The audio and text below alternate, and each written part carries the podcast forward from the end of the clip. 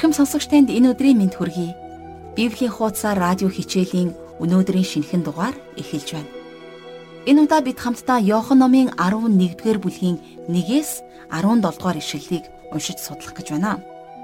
Эдгээр ишлүүдийг уншиж судалснаар Христэд итгэсэн хүн хизээж өхгүй гэсэн туйлын үннийг ухаарч ойлгох болно. Бас Христэд өөрийгөө бүрэн дүүрэн зориулсан зөв шударгаар нөхөрлөлийг үүсгэсэн гэр бүл тохиолдох уйгашуу зовлон зүтгүүрийг өгүүлсэн байгаа.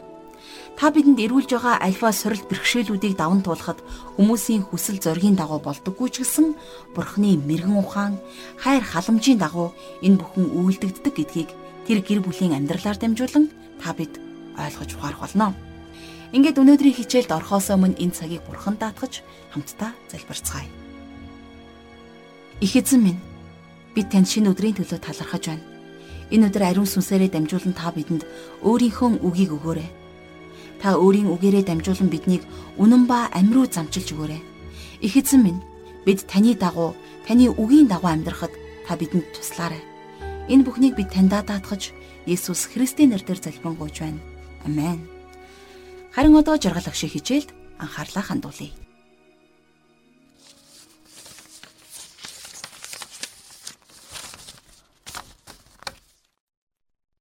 За тэгэхээр өнөөдрийнхөө хичээлийг үргэлжлүүлэхээс өмнө өмнө үздсэн зарим нэгэн чухал ойлголтуудаа цэгцлээд дүгнэе гэж би бодож байна.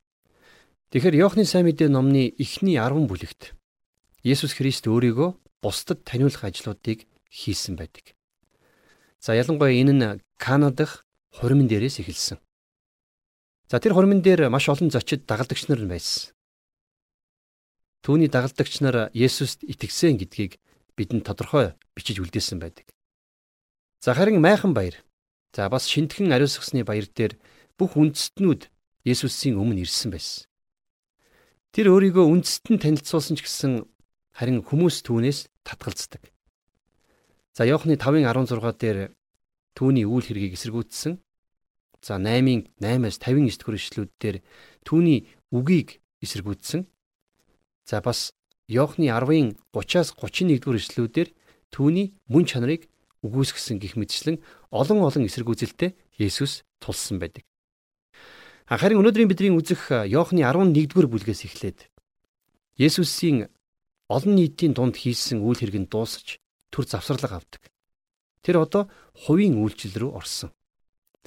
Тэгэхээр Есүс өөрийгөө хувь хүмүүст хандуулснараа одоо олон үндэстнэрүү дахин хүрэхгүй.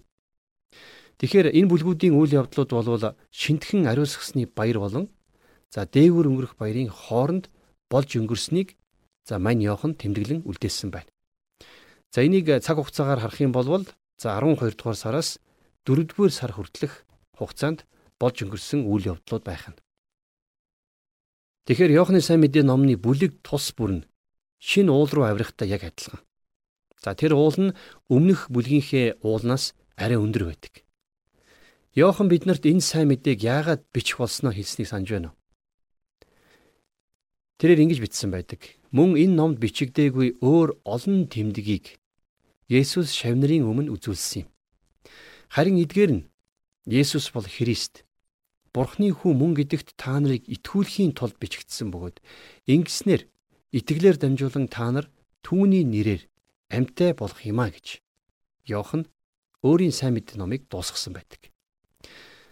За бүр ихэн рүү буцаж очих юм бол 1-р бүлгийн 1-р ишлэл болох ихэнд үг байсан, үг нь бурхантай хамт байсан, үг нь бурхан байсан гэж. Тийм ээ.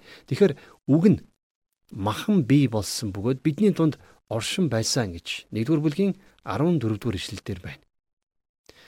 Тэгэхэр ба штэ эдгээрийн тайлал болох хамгийн гол асуулт нь юу вэ гэхлээр Есүс үгсэн хүнийг амьлуулж чаддгүй.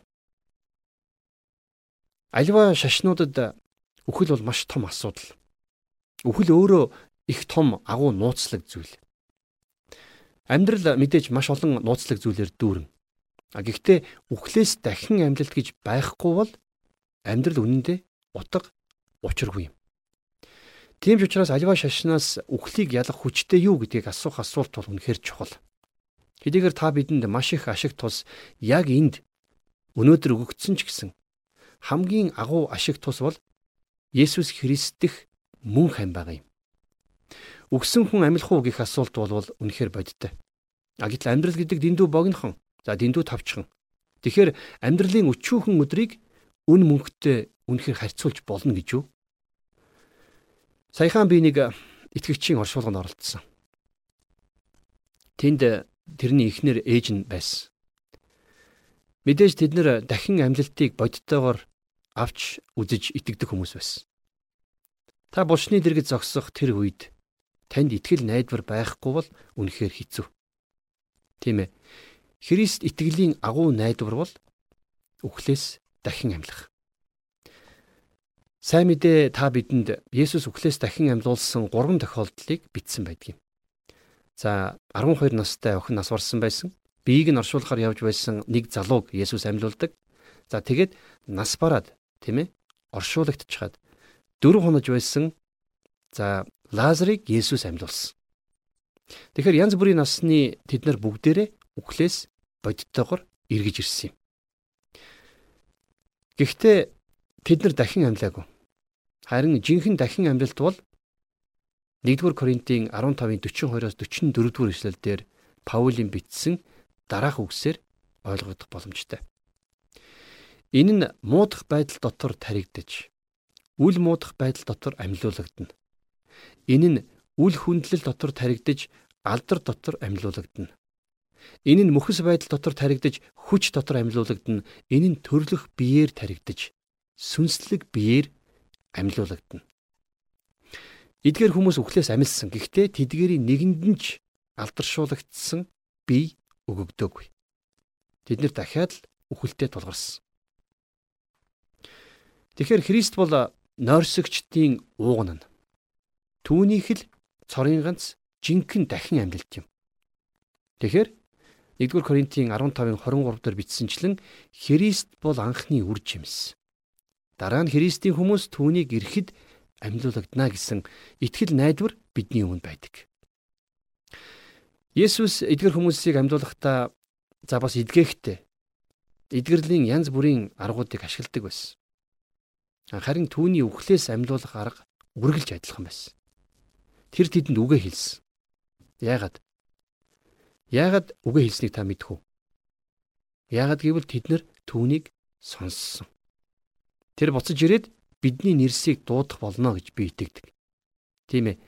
Тэр та биднийг үхлээс буцааж дуудах болно. За харин одоо өнөөдрийнхөө судлах бүлэг рүү орцгоё. Ингээд хамтдаа Иохны сайн мэдээ номны 11-р бүлгийн 1-ээс 2-р эшлэлийг гаргацгаая. Битаны Лазар гихч ир өвчтэй байлаа. Битан бол Марта, түүний дүү Мария хоёрын тосхон болоо. Мария бол эзнийг тосоор тослоо түүний хөлийг өсөөрөө арчсан тэр эмэгтэй байв. Түүний ах Лазар нь өвчтэй байлаа гэсэн байна. За Битан гэдэг энэ тосгон болвол Мариягийн төрлөх хот байсан гэдгийг анхаараарай. За энийг манай эртний 90 оны орчим бичсэн. Тэр үед хүмүүс Есүсийн хөлийг анхлуун тосоор тосолсон Мариягийн түүхийг бол мэддэг болцсон байсан. Түүний хагалсан тэрхүү гөлтгөнэн савнаас гарсан анхлуун үнэр энэ дэлхийг өнөөдөр ч гэсэн дүүргсээр байгаа. Тэгэхээр Есүс тэрний энэ зориултыг сайн мэдээгээ номлох бүрдээ хаанч дурсах болно гэдгийг хэлсэн байдаг. Тэгэхээр яг Мария шиг анхлуун тостой тэрхүү ваарыг хагалсан олон даруухан хүмүүс Тэнгэрт алдартай Христ итгэлийн удирдагч нараас ч илүү сайшаагдах болно гэдэгт би итгэдэг. За энэ нь бас Мартагийн гэр байсан. Тэгэхээр бидний эзэн тэдний өмнө нь олон удаа зочилж байсан байна. За тэр үед Марта оройн зоог бэлтгээд нилээд ядарч цөхөрсөн байж. Тэгэхээр энд бичигдсэн байдлыг харах юм бол их сонирхолтой. Юу вэ гэхлээр энэ нь Мариагийн хот, Мартагийн гэр байсан. Тэгэхээр энэ хоёр эмэгтэйд тус тусад нь өөр өөр бэлэг авьяасууд байна. За зарим эмэгтэйчүүдэд орон герт үйлчлэх гайхалтай бэлэг авьяасууд байдаг. Гэртээ ихнэр ээжээс илүү боос байдаг эмэгтэй хүнийг бол би мэдэхгүй. Тэр галтгоо гэрийг хариуцдаг. Энэ бол Христ итгэлийн олон эмэгтэйчүүдийн дуудлага. За бас гаднах үйлчлэлийг хийх эмэгтэйчүүд гэж бас байдаг. Тэд нар Библийн хичээл, за хүүхдийн сайн мэдээний хичээл хөтөлбөрүүдийг бол зааж явуулна. За мөн сүм чуулганд ажилдаг. Гэртээ үйлчлдэг эмэгтэй ч гэсэн гэрээсээ гадуур үйлчлдэг эмэгтэй нэгэн адил эзэнд үйлчилж байгаа гэдгийг бид нэр санах хэрэгтэй. Яагад үг гэхээр ариун сүнс олон төрлийн үйлчлэлүүдэд зориулсан олон төрлийн бэлэг авьяасыг та бидэнд өгдөг юм шүү дээ. За 3 дугаар ишлэл дээр Тимээс эгчдүүс Есүст хүн илгээж Эзэн минь хараач таны хайрладаг хүн өвдөв хэмээн хилүүлв гэсэн байна. За энэ хоёр эмэгтэй хувьд ямар даруухан байгааг та харж байна. Тэд нэр Есүсээс юу ч шаарддаг. Тэд нэр Есүст асуудлаа хэлээд тэгээд түүгээр шийдүүлдэг. Тэгэхээр би хүмүүс эзнийг өвчтөе хүмүүсийг эдгэхийг залбиралтаа шаардаж байгааг хаяа сонсдог л доо. Харин бурхан хизээж бидний угтагч болж бидний шаардлагыг биелүүлэх албагүй. Марта, Мария нар эзнээ сайн мэддэг байсан. Тийм учраас юу гэж хэлсэн гэхээр эзэн минь хараач ээ таны хайрладаг хүн өвчтөе байна л гэж хэлсэн байна. Таны хайрладаг хүн гэсэн энэ өгүүлбэрийг бүгдээрээ бодж үзцгээе. Есүс Лазарыг хайрладаг байж. Паул бас мөн Галатотынд бичсэн загтлынхаа 2-ын 20 дугаар ишлэлээр бичгтээ тэр намайг хайрлсан гэж маш тодорхой бичсэн байдаг. За мөн бас энэ сайн мэдээг бичигч Йохан өөрийгөө Есүсээр хайрлагдсан дагалдагч гэж бас бичсэн байна. Петр мөн нэмж хэлэхдээ Есүс биднийг хайрлсан. За дашрамт хэлэхэд тэр танд хайртай. Тэр танд үнэхээр хайртай. Бурхны хүүхэд бүрийг Есүс хайрладаг. За тийм болохоор Есүс өнөө хоёр эмэгтэйд ийм хариултыг өгсөн. За дөрөвдүгээр ишлэгийг харъя. Үүнийг сонсоод Есүс энэ өвчин үхэл рүү биш харин үүгээр Бурхны хүү алдаршуулгадахын тулд Бурхны алдрын төлөө юм гэлээ. За тэгэхээр Есүс энэ үед Битан гэдэг нэртэй суурьнд байгаа. За тэрэнд хүмүүс үг илгээсэн. Зарим хүмүүс Христтгэлийн хүн хизээч өвдөх ёсгүй гэж хэлэх нь бий. Тэгэхээр би Лазарыг энэ талаар танд хэлэхээр энд байсан ч болоосаа гэж боддөг юм. Юу вэ гэхээр өвчин болвол бурхан танд хайргүй гэсэн тэмдэг биш юм шүү дээ. Яг одоо энийг би тодорхой болгодог нэгэн ишлийг тантай хуваалцмаар байна. За номдогчийн өгс номын 9 дугаар бүлгийн 1 дугаар ишлэгийг гаргаарай. За 1 дугаар ишлэлдэр энэ бүхнийг би зүрхэндээ авч шудраг бөгөөд ухаантай хүмүүс тэдний алив үйлс нь бурхны гартал байдгийг тайлбарлан хэлэх байна хүн өмнө нь байгаа хайр үзэн ядад хоёрыг үл ялгадаг ажээ гэж. Тэгэхээр энэ дэр юу гэж хэлж байгааг гэхээр та нөхцөл байдлаар хин нэгнийг бурхан харилдгүй үгүй юу гэдгийг бол хэлэх боломжгүй. Биднэрт ингэж шүүх эрх чадварч байхгүй. За мөн бас Илч Паул Коринт хотынд бичсэн 1-р загтлынхаа 4-ийн 5-р ишлэлдэр нэгэн ийм ишлэлийг үлдээсэн байна. Иймд та нар Тогтоосон цагаас өмнө эзний гертэл юу ч битгий шүүхтэн. Эзэн харанхуйд нуугдсан юмсыг гэрэлд гаргах бөгөөд хүмүүсийн зүрхний зорилгыг илрүүлнэ. Тэгээд бурхнаас хүмүүрд магтаал ирэх болно гэж. Тэгэхээр ямар ч байсан Есүс Лазарыг өвчтөй байхад нь хайрлсан. Зөвхөн тэр ч биш Есүс Лазарт үххийг зөвшөөрсөн байна. А гисэн ч тэр түнд хайртай хэвээрээ байсан. За цааш нь харъя л да 5-аас 6 дугаар ишлэл дээр Марта түүний охин дүү болон ах Лазарыг нь Есүс хайрладаг байлаа. Лазарын өвдсөнийг сонсоод Есүс байсан газараа хоёр хонов. Тэгэхэр байна шүү дээ. Есүс таныг ч гэсэн өвчтөй байхад хайрлаж байгаа. Тэр таныг эрүүл байхад ч хайрладаг. Тэр таныг үргэлжид хайрладаг. Та Есүсийг таныг хайрлахаас хизэж болиулж чадахгүй. А гэхдээ тэр танд хэцүү зүйл тохиолдохыг яагаад зөвшөөрдөг юм бэ гэж та асууж байгаа бох тийм ээ. Би бол шалтгааныг мэдэхгүй л да. Гэхдээ тэр танд хайртай гэдэг ганц үннийг би мэднэ. Тэр таныг Христ итгэлтэй байсан ч үгүй ч хайрлсан хэвээрэл өгдөг. Та мэдээж нарыг гэрэлдэхийг болиулж чадахгүй. А гэхдээ та нарны гэрлээс нуугдж болдог шиг Бурхны хайр таны амьдрал дээр гэрэлдэхийг болвол та болиулж чадахгүй. А гэхдээ та ямар нэгэн шүхрээр түүнийг хаах боломжтой. Бурхан бидэнд үнэхээр хайртай болохоор түүнд өөрсдийн асуудлуудаа танилцуулахаар зориг гарган түүний өмнө очих боломжтой. Бурханд өөрийнхөө дотор болж байгаа бүхнийг ярих боломжтой. Гэхдээ зоригтой байна гэдг нь таны хүсэлтүүд Бурханыг шаардаж болно гэсэн утгатай биш юм шүү дээ. Мэдээж амьдралд ирэх олон асуудлууд бидний итгэлийг шалгаж бидний өвдгийг сөхрүүлдэг. За жишээлх юм бол Мосийг харъя. Мосе цөлөөр тэнвчилж байх тэр үед гарч ирэх асуудлууд бүртээ тэр эзэн рүү дахин дахин хашгирдаг байсан. Хизикай хаан байна. Хизикай асирчуудаас сүрдүүлсэн загтал аваад энийг эзэнд аваачсан. За Иохан Баптист өөрийг нь цаазаар авахулсан мэдээг сонсоод эзэн рүү ирсэн. Тэгэхээр энэ хөндийд үхлийн сүудэртэй хөндийд хүртэл байна штэ. Бид бурханд итгэж найдаж сурах ёстой байдгийг. Тэр бидэнд төвчээртэй байдлыг заадаг.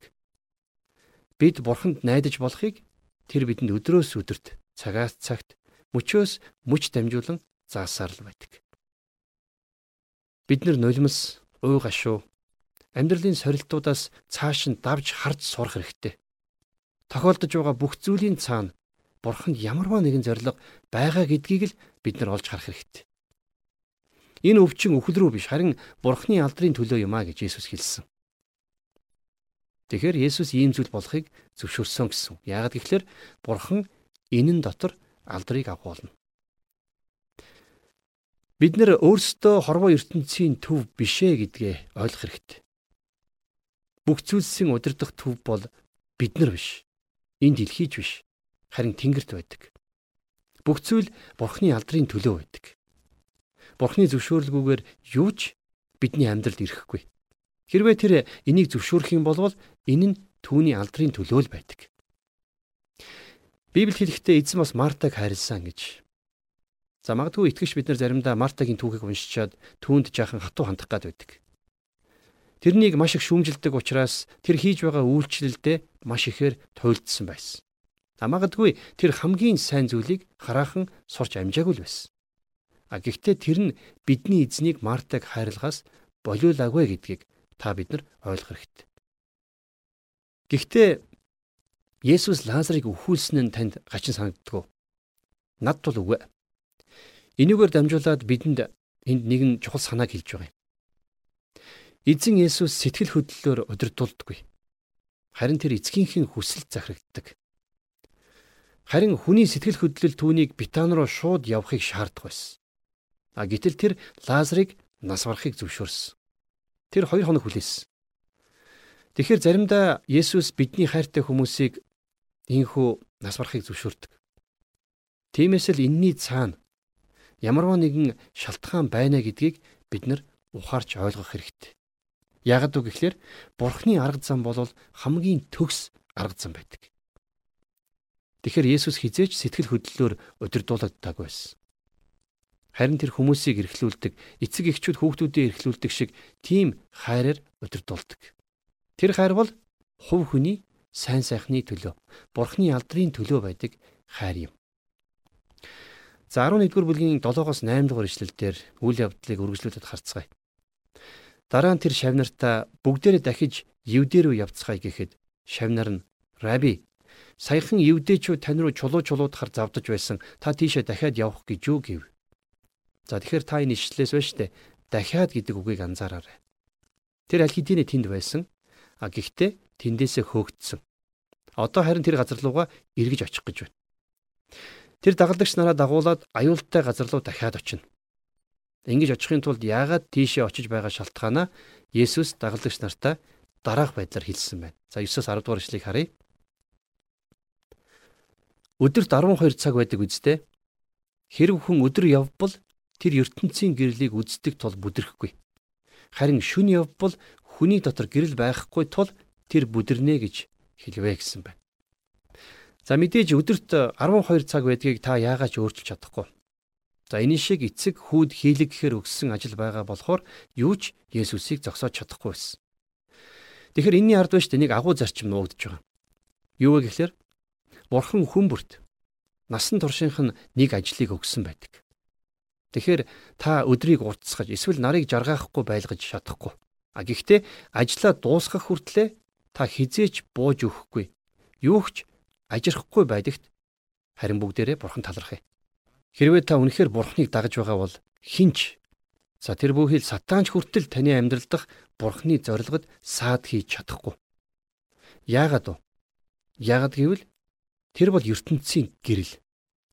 Та Есүстэй хамт аюултай бүс рүү явсан ч болно. Харин танд юу ч халдахгүй. Та тэгээд ажлаа дуусгах болно. Хэрвээ харин та харанхуйд байгаа бол бас харанхуйд алхаж байгаа бол мэдээж та бүдэрхэл болно. Тэгэхээр яг энэнтэй адил битаанд үхэл байсан. Тиймээс Есүс тийшээ явах ёстой болсон юм. Яагаад гэвэл Есүс бол ертөнцийн гэрэл. 11-ээс 15 дугаар ишлэгийг харъя.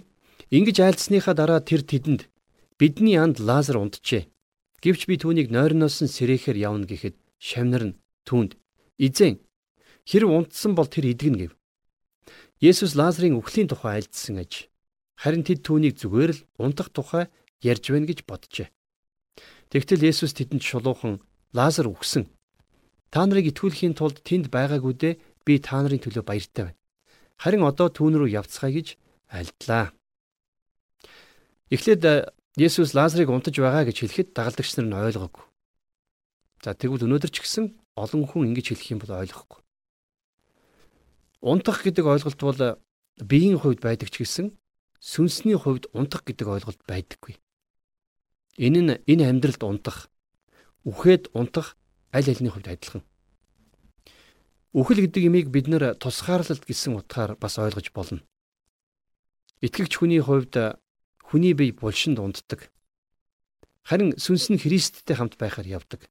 Тэгэхээр итгэгч хүний хувьд биеэсээ холдох нь эзэнтэй хамт байхаар явах гэсэн утгатай. За энэ тухай илүү тодорхой тайлбарыг Коринтотынд бичсэн 2 дугаар захидлын 5 дугаар бүлгийн 8 дугаар ишлэлдэр Паул бид урамтай байдаг бөгөөд биеэс холдон явж эзэнтэй хамт гэрте байх нь хавьгүй дээр гэж боддгоо гэж бичсэн байна.